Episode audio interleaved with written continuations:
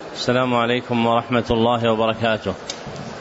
الحمد لله الذي أنزل القرآن آيات بينات ففسره رسوله بالأحاديث الشريفات وأشهد أن لا إله إلا الله وحده لا شريك له وأشهد أن محمدا عبده ورسوله اللهم صل على محمد وعلى آل محمد كما صليت على إبراهيم وعلى آل إبراهيم إنك حميد مجيد اللهم بارك على محمد وعلى آل محمد كما باركت على إبراهيم وعلى آل إبراهيم إنك حميد مجيد. أما بعد فهذا المجلس الثامن في شرح الكتاب الأول من برنامج التفسير النبوي للقرآن وهو كتاب الأربعين المدنية في تفسير القرآن بالسنة النبوية لمصنفه صالح بن عبد الله بن حمد العصيمي. وقد بلغ بنا البيان إلى الحديث الرابع وقبل الشروع في بيان معانيه يحسن بنا أن نرجع القول في جملة مما تقدم بيانه في الدرس الآنف فإنا كنا أمس قد أتممنا البقية الباقية من شرح الحديث الثاني ثم أتبعناه بشرح الحديث الثالث. فكان مما ذكرناه في شرح الحديث الثاني من بقيته الباقية أن ذكرنا أن قول النار قط قط وقع باعتبار عدده على نوعين أحدهما ياسين أحسنت وقع مثنى قط قط في الصحيحين من حديث أنس بن مالك ووقع مثلثا قط قط قط في الصحيحين أيضا من حديث أبي هريرة رضي الله عنه. ثم ذكرنا أن هذه الكلمة لها معنى وضبط فأما معناها يا أخي حسبي ووقع التصريح بذلك في مسند أحمد من حديث عبد الرزاق عن معمر عن همام بن منبه عن أبي هريرة رضي الله عنه. وأما ضبطها واللغات الوارده فيها بالطاء. إذا كانت بالطاء يا إبراهيم إيش؟ فيها كم لغة؟ ثلاث.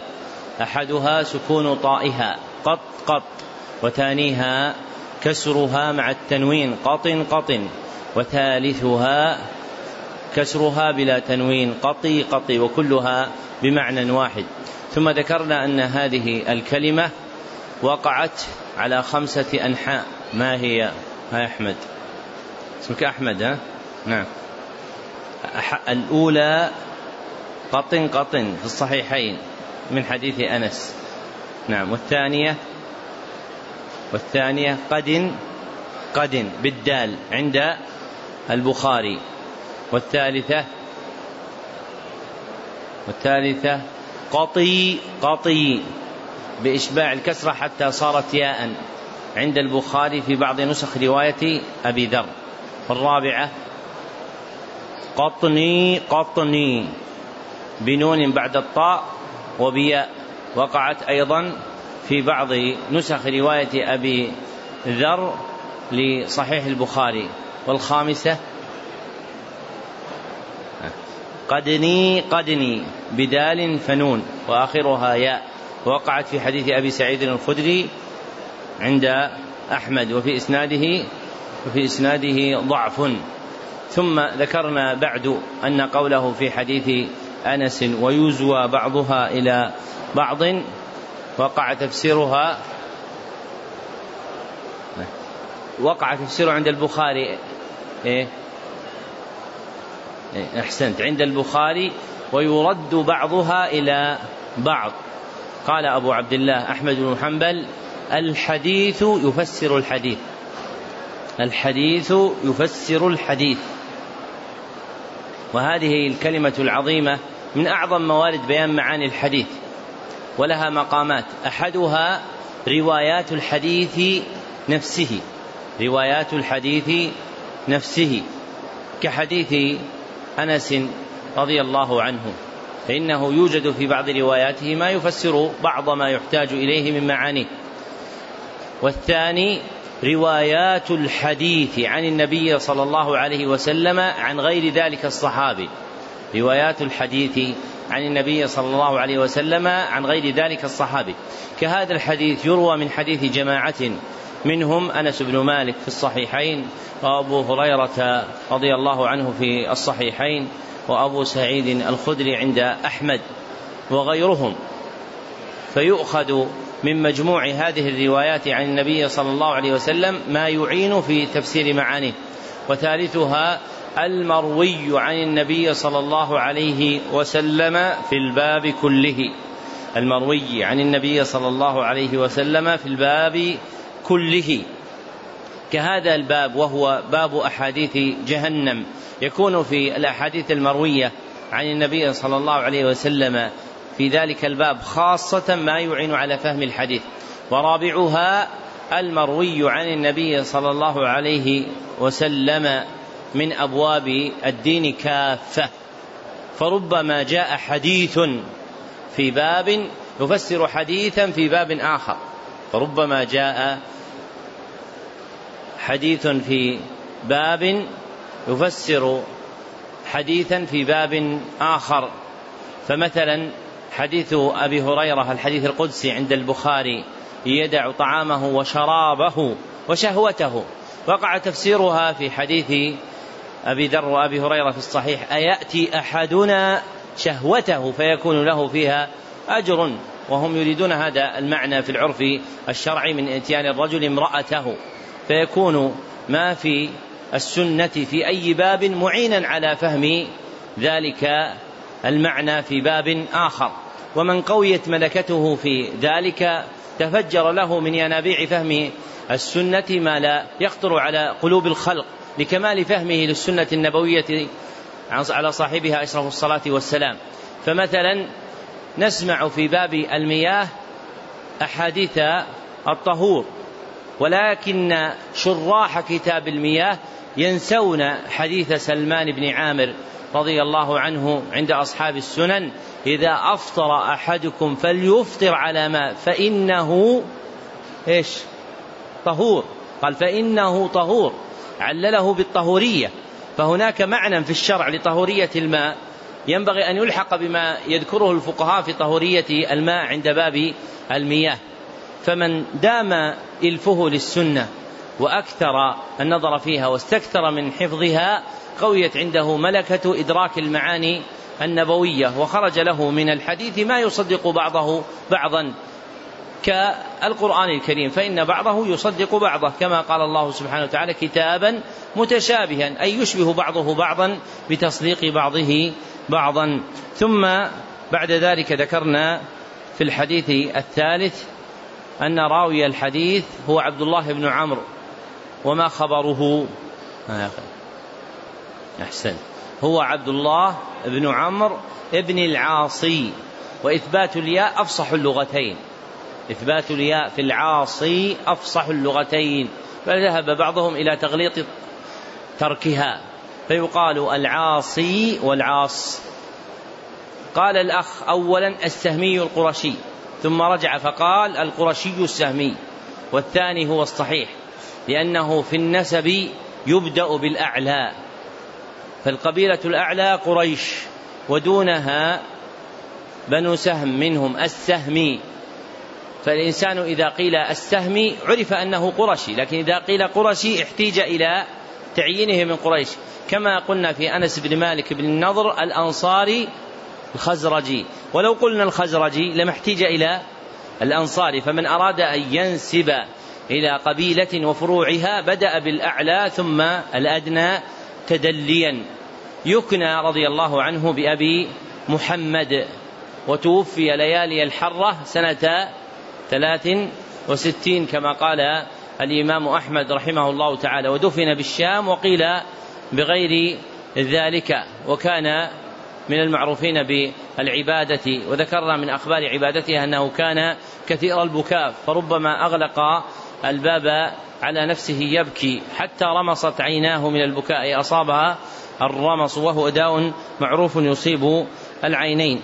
ثم ذكرنا بعد ذلك أن هذا الحديث قد أخرجه حديث عبد الله بن عمرو أخرجه الأربعة وهم وهم أصحاب السنن أبو داود والترمذي والنسائي وابن ماجه. وشرط كونهم أخرجوا أن يكون ذلك في كتبهم المعينة. سنن أبي داود وجامع الترمذي والمجتبى من السنن المسندة للنسائي والسنن لابن ماجه. فإذا وقع تخريج الحديث عند كل في الكتب المذكورة فاجتمعوا عليه على صحابي واحد قيل إنه مما رواه الأربعة يعني أصحاب السنن المذكورين. ثم ذكرنا أن هذا الحديث إسناده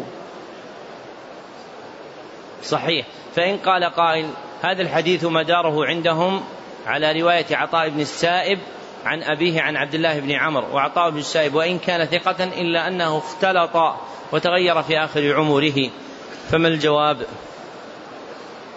نعم أحسنت. أنه جاء من رواية جماعة من القدماء الذين رووا عنه قبل الاختلاط كشعبة بن الحجاج وسفيان الثوري رحمهم الله تعالى. ثم قلنا في بيان قول المصنف واللفظ لأبي داود أنه قدم لماذا؟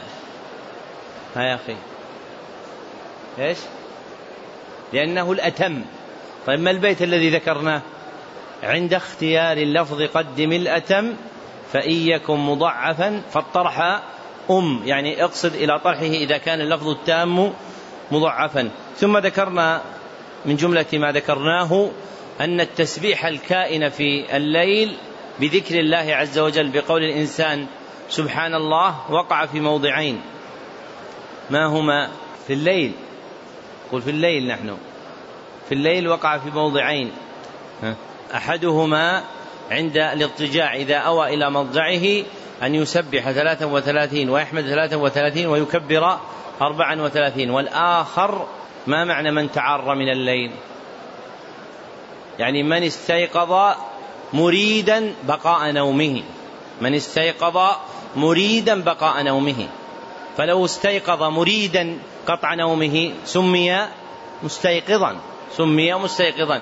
لكن إذا استيقظ مريدا بقاء نومه فانقلب على جنب إلى جنب ونحو ذلك فإنه يشرع له حين ذلك أن يقول لا إله إلا الله وحده لا شريك له له الملك وله الحمد وهو على كل شيء قدير. سبحان الله والحمد لله والله أكبر ولا إله إلا الله ولا حول ولا قوة إلا بالله. فإن استغفر غفر له وإن قام فصلى ركعتين قبل منه. وإنما عظم الأجر مع قلة العمل لأن من قواعد تعظيم الأجر في الشرع كونه واقعا وقت غفلة. فإذا وقع العمل وقت غفلة استحق التعظيم في أجره. واضح؟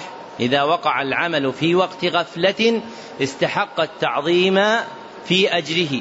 ومنه حديث معقل بن يسار في صحيح مسلم أن النبي صلى الله عليه وسلم قال العبادة في الهرج كهجرة إلي.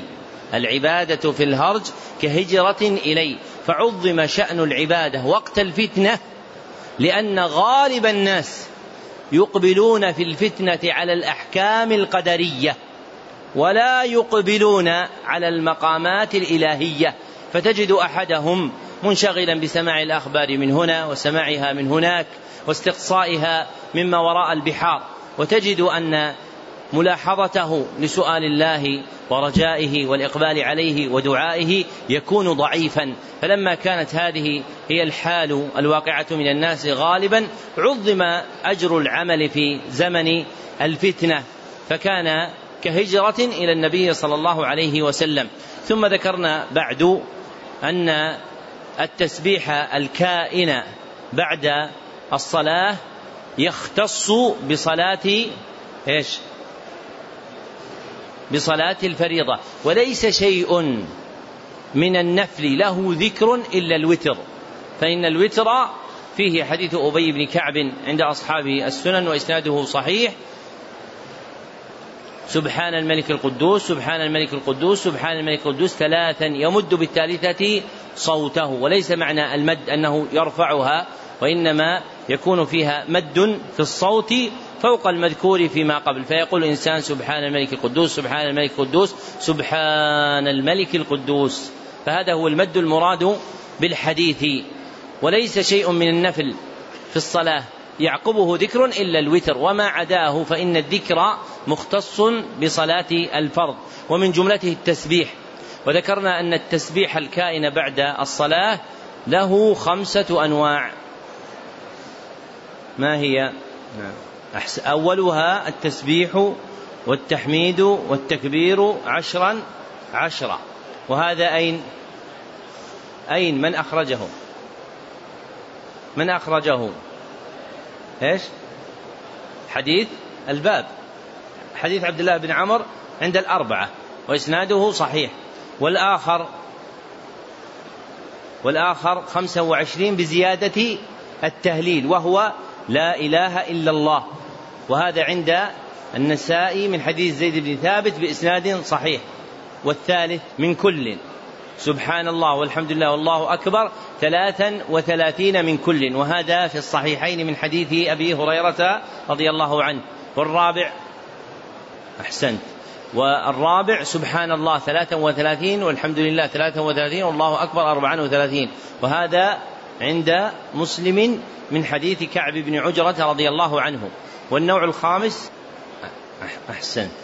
والرابع سبحان الله ثلاثا وثلاثين والحمد لله ثلاثا وثلاثين والله أكبر ثلاثا وثلاثين وأن يقول تمام المئة لا إله إلا الله وحده لا شريك له له الملك وله الحمد وهو على كل شيء قدير وهذا عند مسلم من حديث أبي هريرة رضي الله عنه فهذه هي الأنواع الخمسة والأفضل للعبد أن ينوع بينها بأن يأتي بنوع منها عقب صلاة ثم يأتي بنوع آخر عقب صلاة ويلاحظ في ذلك شغله وفراغه. فإذا كان الإنسان ينصرف إلى شغل بعد صلاته خفف ليجمع قلبه فيقولها عشرا مع جمع القلب ثم يقوم إلى عمله. وإذا كان يحصل له فراغ في وقته أقبل على ما كثر عدده لأنه أعظم في أجره. ثم ذكرنا أن ما أشرنا إليه من تقديم التنويع بينها هو الذي اختاره ابو العباس بن تيمية الحفيد وحفيده بالتلمذة أبو الفرج ابن رجب رحمهما الله تعالى. وبقي نوع سادس يذكره بعض المصنفين. ليس سادسا بل وراءه غيره لكن بقي نوع سادس وقع ذكره عند من يعتني بإيراد ما يثبت من الذكر.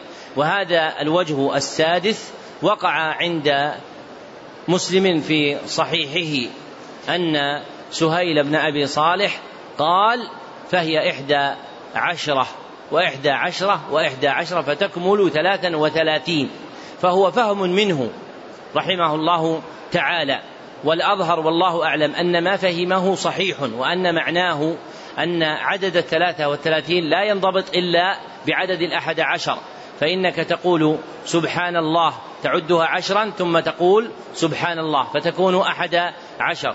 ثم تعيد سبحان الله هكذا ثم تعدها أحد عشر. ثم تقول سبحان الله ثم تعدها أحد عشر.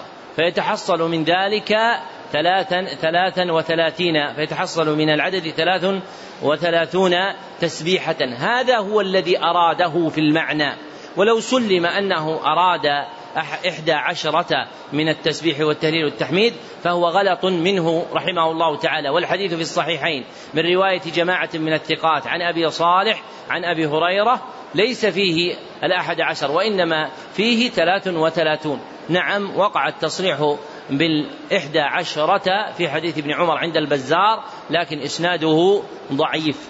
فالذي يترشح ثبوته هو ما ذكر آنفا من الأنواع الخمسة. نعم. بسم الله الرحمن الرحيم. الحمد لله رب العالمين والصلاة والسلام على ختام الأنبياء وأشرف المرسلين نبينا محمد عليه وعلى آله أفضل الصلاة وأتم التسليم. اللهم اغفر لنا ولشيخنا وللحاضرين ولجميع المسلمين. قلتم أحسن الله إليكم في كتاب الأربعين المدنية في تفسير القرآن بالسنة النبوية الحديث الرابع في تفسير قوله تعالى يوم تشقق الأرض عنهم سراعا ذلك حشر علينا يسير. عن عبد الله بن عمر رضي الله عنهما قال قال رسول الله صلى الله عليه وسلم أنا أول من أنا أول من تنشق عنه الأرض ثم أبو بكر ثم عمر ثم آتي أهل البقيع فيحشرون معي ثم أنتظر أهل مكة حتى أحشر بين الحرمين. رواه الترمذي وقال حديث حسن غريب. وأخرجه الحاكم وزاد. وتلا عبد الله بن عمر رضي الله عنهما يوم تشقق الأرض عنهم سراعا ذلك حشر علينا يسير. وقال صحيح الإسناد ولم يخرجاه. موارد القول في هذا الحديث ثلاثة فالمورد الأول معرفة راوي الحديث وهو عبد الله ابن عمر ابن الخطاب القرشي العدوي. يكنى أبا عبد الرحمن يكنى أبا عبد الرحمن. توفي سنة ثلاث وسبعين وقيل أربع وسبعين والأول أصح بل نقل أبو عمر ابن عبد البر في الاستيعاب الاتفاق على أنه مات سنة ثلاث وسبعين وله من العمر خمس وثمانون سنة وله من العمر خمس وثمانون سنة. وذكر مالك رحمه الله أنه توفي وهو ابن سبع وثمانين. أنه توفي وهو ابن سبع وثمانين.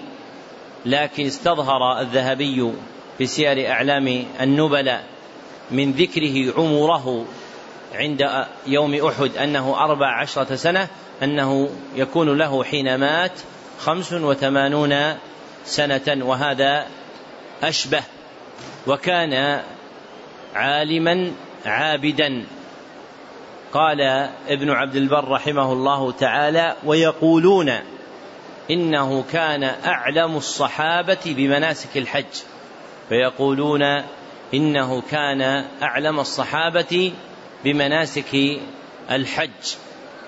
ومن أخباره رضي الله عنه أن نافعا سئل عن عمل ابن عمر في بيته.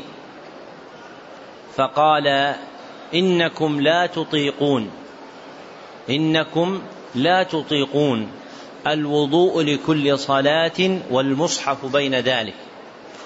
الوضوء لكل صلاة والمصحف بين ذلك. أي أنه لم يكن له شغل إلا الإقبال على الصلاة تعظيما لها بالوضوء فحاله دائما على وضوء مع ملازمته تلاوة القرآن الكريم.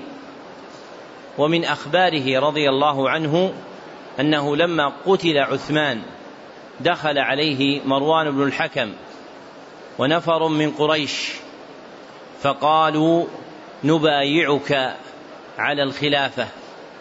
فقال فما لي بالناس فما لي بالناس. فقال له مروان تقاتلهم ونقاتلهم معك. فمروان عمد إليه لأنه كان من خيار قريش فعرض عليه أن يخرج للخلافة وأنه هو ومن معه من أشراف قريش يبايعونه عليها. فقال فما لي بالناس. أي كيف أرد الناس إلى أمري حتى يبايعوني. فقال له مروان تقاتلهم ونقاتلهم معك. فقال لو اجتمع علي أهل الأرض جميعا إلا أهل فدك لما قاتلتهم. يقول لو اجتمع علي كل أهل الأرض في البيعة وامتنع أهل فدك وهي قرية صغيرة من البيعة لي لما قاتلتهم. لأنه كان رحمه الله تعالى من أشد الناس تحريا من الخوف من الدماء. وفي الصحيح أن معاوية رضي الله عنه قال فمن كان أحق منا بهذا الأمر فليتكلم قال ابن عمر فأردت أن أحل حبوتي وأقول أحق به من قاتلك أنت وأبوك على الكفر فخشيت أن أقول كلمة تحدث شرا. فخشيت أن أقول كلمة تحدث شرا فسكت رضي الله عنه. وهذا هو اللائق بالعبد. لما في الصحيح أن العبد المو أن المرء المؤمن لا يزال في فسحة في دينه ما لم يصب دما حراما. فإن القطرة من دم حرام شأنها عند الله عز وجل عظيم. وأما المورد الثاني فهو تخريج الحديث. وهذا الحديث عزاه المصنف إلى الترمذي فقال رواه الترمذي يعني في كتابه إيش؟ الجامع. قال الترمذي رحمه الله تعالى حدثنا سلمة بن شبيب. قال حدثنا عبد الله ابن نافع الصائغ. قال حدثنا عاصم بن عمر العمري. عن عبد الله بن دينار عن ابن عمر رضي الله عنهما قال قال رسول الله صلى الله عليه وسلم فذكره. ورواه الحاكم في المستدرك من حديث سريج بن النعمان عن عبد الله بن نافع الصائغ عن عاصم بن عمر العمري إلا أنه قال عن أبي بكر بن سالم عن أبيه عن ابن عمر رضي الله عنهما وتلا هذه الآية. فاختلف سلمة بن شبيب وسريج بن النعمان على عبد الله بن نافع الصائغ في شيخ شيخه. ففي رواية الأول هو من حديث عبد الله بن دينار عن ابن عمر وفي رواية الثاني هو من حديث سالم بن عبد الله عن أبيه عبد الله بن عمر. ثم رواه الحاكم أيضا في مستدركه من حديث عمر بن مدارس عن عبد الله بن نافع به بالإسناد الأول من رواية عبد الله بن دينار عن ابن عمر وليس فيه ذكر الآية. وقال الحاكم في الموضعين جميعا صحيح الإسناد ولم يخرجاه. ورواه ابن حبان في صحيحه من حديث إبراهيم ابن يعقوب الجوزجاني عن عبد الله بن نافع الصائغ بالإسناد الأول ولم يذكر تلاوة الآية. فهذا الحديث مما اضطرب فيه عبد الله بن نافع الصائغ بالوجهين اللذين ذكرنا آنفا. فتارة يكون من حديث عبد الله بن دينار عن ابن عمر كما عند الترمذي وغيره وتارة يكون من حديث سالم بن عبد الله عن ابن عمر كما عند الحاكم وغيره. وقد تعقب الذهبي الحاكم في الموضع الأول لما قال صحيح الإسناد ولم يخرجاه فقال قلت عبد الله ضعيف. ثم تعقبه في الموضع الثاني فضعفه بحفص بن عاصم العمري. فيكون الحاكم أعله تارة براو فيكون الذهبي في تلخيص المستدرك أعله تارة براو وأعله تارة أخرى براو آخر. وكلاهما ضعيفان. واقتصر الترمذي رحمه الله تعالى على توهينه بحفص بن عاصم فإنه لما رواه قال حديث حسن غريب وحفص بن عاصم العمري ليس بالحافظ عند أهل الحديث فانتهى كلامه. فإسناد هذا الحديث ضعيف لوجود راويين ضعيفين. أحدهما حفص بن أحدهما حفص بن عاصم بن عمر العمري أخو عبيد الله وعبد الله بن عمر. حفص بن حفص بن عمر العمري استغفر الله عاصم بن عمر العمري. عاصم بن عمر العمري. والآخر عبد الله بن نافع الصائغ فهما راويان ضعيفان فإسناد هذا الحديث ضعيف لا يثبت. والمورد الثالث بيان ما يتعلق منه بتفسير الآية وهي قوله تعالى يوم تشقق الأرض عنهم سراعا ذلك حشر علينا يسير. ففيه بيان كيفية الانشقاق بأولية من تنشق عنه الأرض. وذلك في قوله أنا أول من تنشق عنه الأرض ثم أبو بكر ثم عمر ثم آتي أهل البقيع فيحشرون معي أي يجمعون معي كما في قوله وأن يحشر الناس ضحى أي وأن يجمع الناس ضحى ثم أنتظر أهل مكة حتى أحشر بين الحرمين أي بين أهل الحرمين. ففي الحديث أن أول من تنشق عنه الأرض هو محمد صلى الله عليه وسلم ثم أبو بكر ثم عمر ثم يأتي أهل البقيع فيحشرون معه ثم ينتظر أهل مكة فيكونون معه. فيكون تفسيرا لقوله يوم تشقق الأرض عنهم سراعا بأن التشقق يكون بهذه الأولية. فتنشق أولا عن الجسد النبوي صلوات الله وسلامه عليه ثم عن صاحبه أبي بكر ثم عن صاحبه عمر إلى تمام ما جاء في الحديث. بيد أن هذا الحديث بجمله المذكورة ضعيف وإنما يثبت أوله.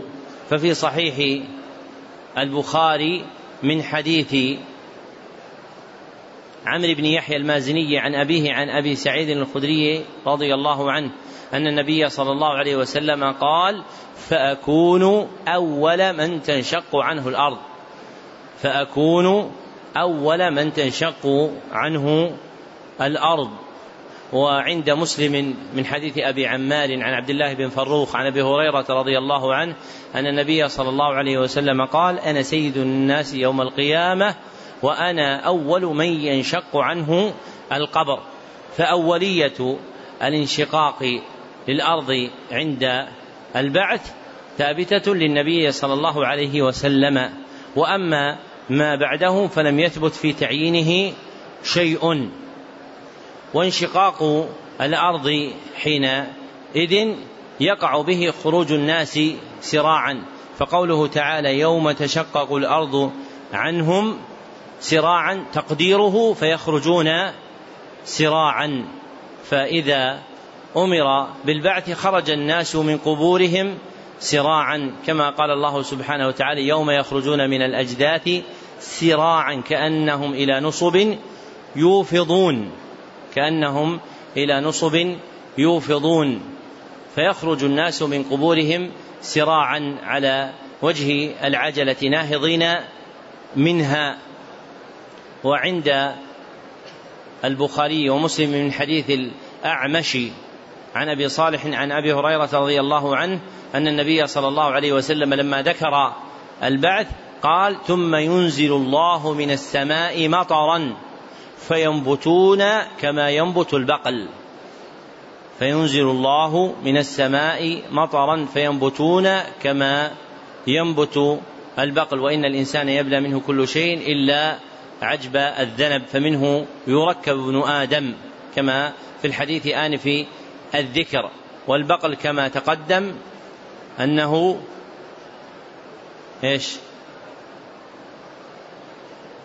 كل مخضر من الأرض. كما قال ابن فارس كل مخضر من الأرض فإنه يسمى بقلا. فهم ينبتون كنبات العشب في الأرض ويظهرون في ذلك. وانشقاق الأرض الوارد في القرآن ثلاثة أنواع. أحدها انشقاقها لخروج الماء منها. انشقاقها لخروج الماء منها. قال الله تعالى وإن منها لما يشقق فيخرج منه الماء. وإن منها يعني من الحجارة التي هي على وجه الأرض وإن منها لما يشقق فيخرج منه الماء.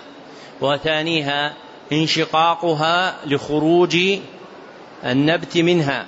انشقاقها لخروج النبت منها. كما قال تعالى أنا صببنا الماء صبا ثم شققنا الأرض شقا. فأنبتنا فيها حبة إيش؟ فأنبتنا فيها حبة وعنبا وقضبا إلى تمام الآيات. والنوع الثالث انشقاقها لخروج الخلق منها بالبعث. انشقاقها لخروج الخلق منها بالبعث. وهو المذكور في قوله تعالى يوم تشقق الأرض عنهم سراعا. ووقعت هذه المواضع الثلاثة متفرقة في القرآن ووقع في القرآن أن من أعظم دلائل البعث إحياء الأرض بعد موتها بإخراج النبات منها. ووقع في القرآن أن من أعظم دلائل البعث إحياؤها بإخراج النبت منها فهو من دلائل وقوع البعث. فمن أحيا الأرض بعد موتها وأخرج منها النبت بعد محلها بإنزال المطر عليها قادر على أن يبعث الخلق. فكأن ترتيب وقوع الانشقاق. قدر في القرآن لإظهار هذا الدليل وهو دليل البعث بأن من شق الأرض فأنبت منها وأخرج الماء منها فأحيا بالماء الأرض وأنبت منها النبات قادر على بعث الخلق سبحانه وتعالى. إذا نفخ في السور فتشققت الأرض عنهم سراعا نعم. أحسن الله إليكم. الحديث الخامس في تفسير قوله تعالى وفي عاد إذ أرسلنا عليهم الريح العقيم ما تذر من شيء أتت عليه إلا جعلته كالرميم. عن رجل من ربيعة رضي الله عنه قال قدمت المدينة فدخلت على رسول الله صلى الله عليه وسلم فذكرت عنده وافد عاد فقلت أعوذ بالله أن أكون مثل وافد عاد. قال رسول الله صلى الله عليه وسلم وما وافد عاد؟ قال فقلت على الخبير بها سقطت إن عادا لما أقحطت بعثت قيلا فنزل على بكر بن معاوية فسقاه الخمر وغنته الجرادتان ثم خرج يريد جبال مهرة فقال اللهم إني لم آتك اللهم إني لم آتك لمريض فأداوي. آتك. لم آتك لمريض فأداوي ولا لأسير فأداويه. اللهم إني لم آتك لمريض فأداويه ولا لأسير فأفاديه فاسق عبدك ما كنت مسقيه واسق معه بكر بن معاوية يشكر له الخمر التي سقاه فرفع له سحابات فقيل له اختر إحداهن فاختار السوداء منهن فقيل له خذها رمادا رمددا لا تذر من عاد أحدا. وذكر أنه لم يرسل عليهم من الريح إلا قدر هذه الحلقة يعني حلقة الخاتم ثم قرأ إذ أرسلنا عليهم الريح العقيم ما تذر من شيء أتت عليه إلا جعلته كالرميم. رواه الترمذي وإسناده حسن. موارد القول في هذا الحديث ثلاثة. فالمورد الأول معرفة راوي الحديث وهو الحارث ابن حسان ابن كلدة ابن كلدة بكاف مكسورة فلام فدال فتاء مربوطة البكري الذهلي البكري الذهلي. صحابي له وفادة على النبي صلى الله عليه وسلم فكان ينزل أطراف الكوفة في البادية وربما قدم على الكوفة حتى توفي ولم يذكر في تراجم الصحابة مدة السنة التي توفي فيها ولا مدة عمره. ولم يذكر في ترجمته من كتب تراجم الصحابة السنة التي توفي فيها ولا مدة عمره. وهذا الصحابي وقع في رواية الترمذي التي ذكرناها مبهما عن رجل من ربيعة. وأمكن معرفة هذا المبهم بتتبع طرق الحديث. فإن الترمذي كما سيأتي لما أسنده مبهما أسنده مرة أخرى فسماه الحارث ابن يزيد البكري. ثم ذكر الترمذي أن أكثر الرواة سماه الحارث ابن حسان البكري. فهذا الراوي المبهم اختلف في اسمه على ثلاثة وجوه. أحدها الحارث ابن حسان. وهو قول أكثر رواة حديثه. وثانيها الحارث ابن يزيد. وهو قول بعض رواة هذا الحديث. وثالثها حريث بن حسان. حريث بن حسان. ووقع تسميته بذلك في غير هذا الحديث. ووقع تسميته بذلك في غير هذا الحديث. وأصح هذه الأسماء هو الاسم الأول. وأصح هذه الأسماء هو الاسم الأول. طيب لماذا وقع الخلاف في اسمه؟ أحسنت. نعم. لأنه كان ينزل البادية فكان في أطراف الناس لا يخالطهم وحديثه رضي الله عنه قليل. ومن أخباره رضي الله عنه كما عند الطبراني في المعجم الكبير أنه تزوج امرأة فلما أصبح صلى الغداة في الناس. صلى صلاة إيش؟ الفجر في الناس. فعجبوا له. يعني العادة الإنسان متزوج يثقل رأسه. فقال إن امرأة تمنعني الفجر في جميع يعني في جماعة. إن امرأة تمنعني الفجر في جميع لامرأة سوء لامرأة سوء. يعني إذا كان أول مقدمها عليه أن تمنعه صلاة الفجر في جماعة فهذا وارد لا يستبشر به. لكن إذا نهض الإنسان إلى صلاة الفجر فلم يمتنع منها كان بشير خير بأن تكون معينة له على الخير. وأما المورد الثاني فهو تخريج الحديث. وقد ذكر المصنف أن هذا الحديث رواه الترمذي يعني في كتابه الجامع. ثم قال وإسناده حسن لأن الترمذي أخرجه فقال حدثنا ابن أبي عمر. قال حدثنا سفيان بن عيينة عن سلام عن عاصم بن أبي النجود بفتح نونه مشددة عن أبي وائل عن رجل من ربيعة. ثم قال حدثنا عبد بن حميد قال حدثنا زيد بن حباب عن سلام عن عاصم عن أبي وائل عن الحارث بن يزيد الكندي. فذكر الحديث وكما ذكرت فإن بعض الرواة سماه كذلك لكن المحفوظ في اسمه أنه الحارث بن حسان البكري أنه الحارث سماه الحارث بن يزيد البكري والمشهور أنه الحارث ابن حسان البكري.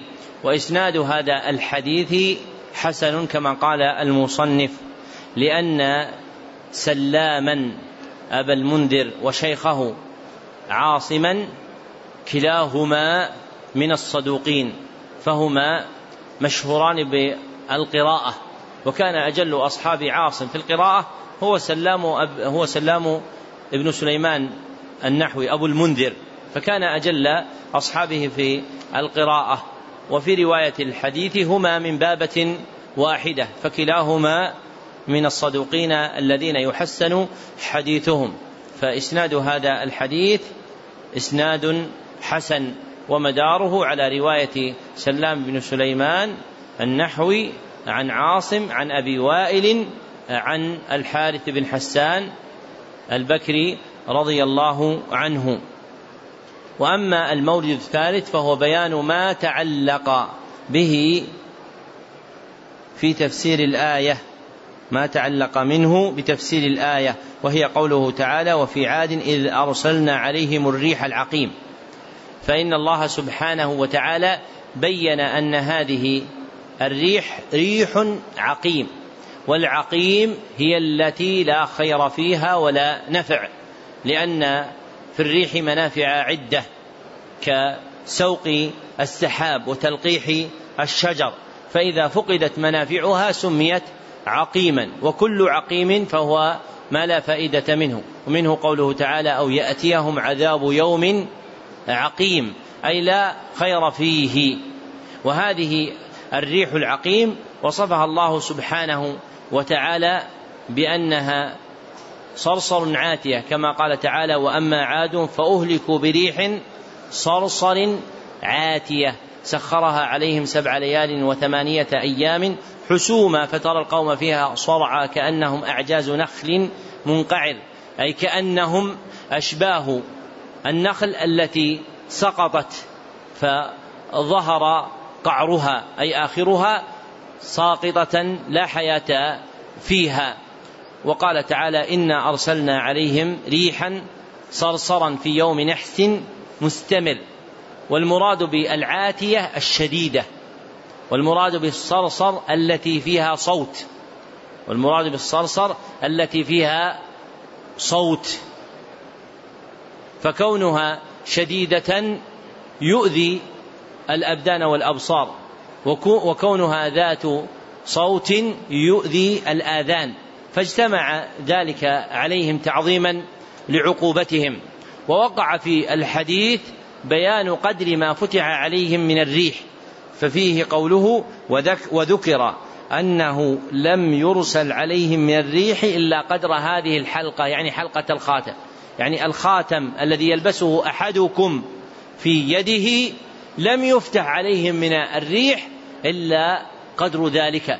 فكما فكأنما أرسل عليهم من جند الريح الذي أرسله الله سبحانه وتعالى عليهم مقدار ما يسري متسربا من هذه الحلقة.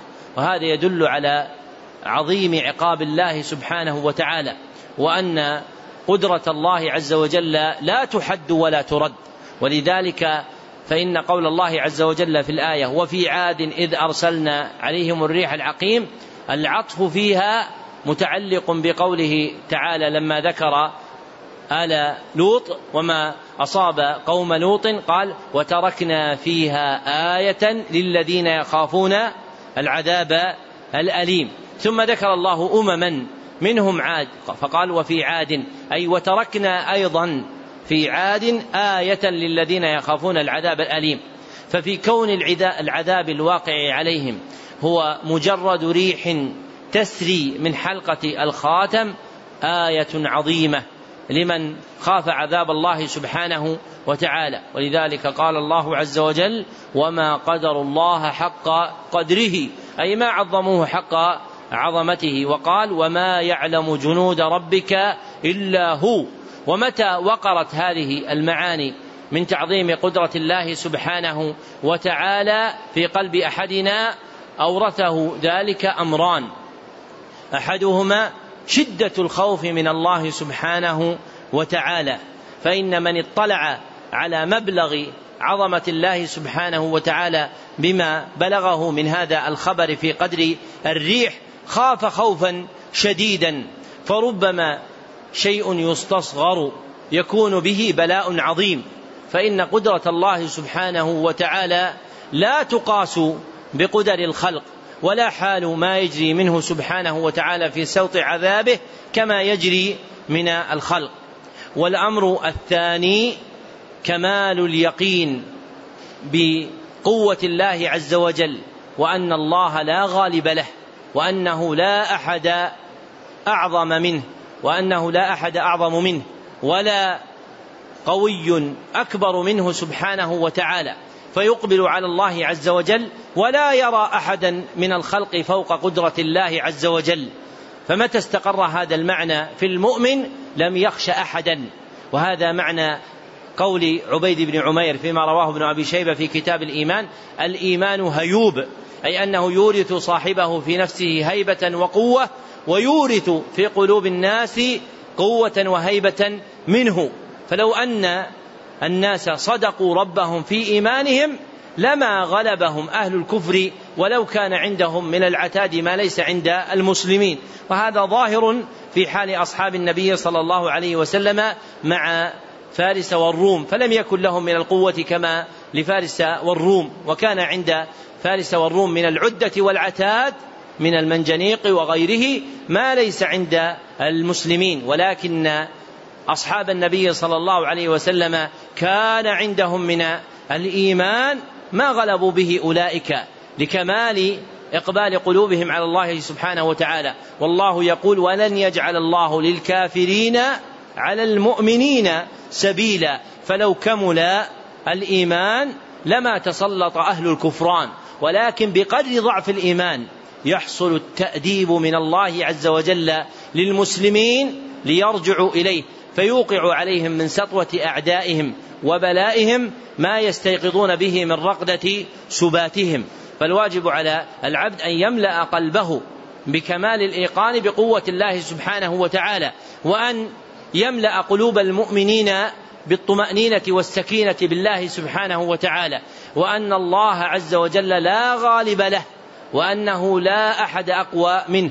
ومن عجيب أخبار العلامة عبد الحميد بن باديس رحمه الله تعالى لما أتى به الحاكم العام في الجزائر عن فرنسا فأراد أن يخوف العلماء والوجهاء الذين جمعهم من أهل الجزائر وقال لهم إن لدى فرنسا مدفع عظيم يستطيع أن يضرب أي عدو لفرنسا في أي مكان في العالم.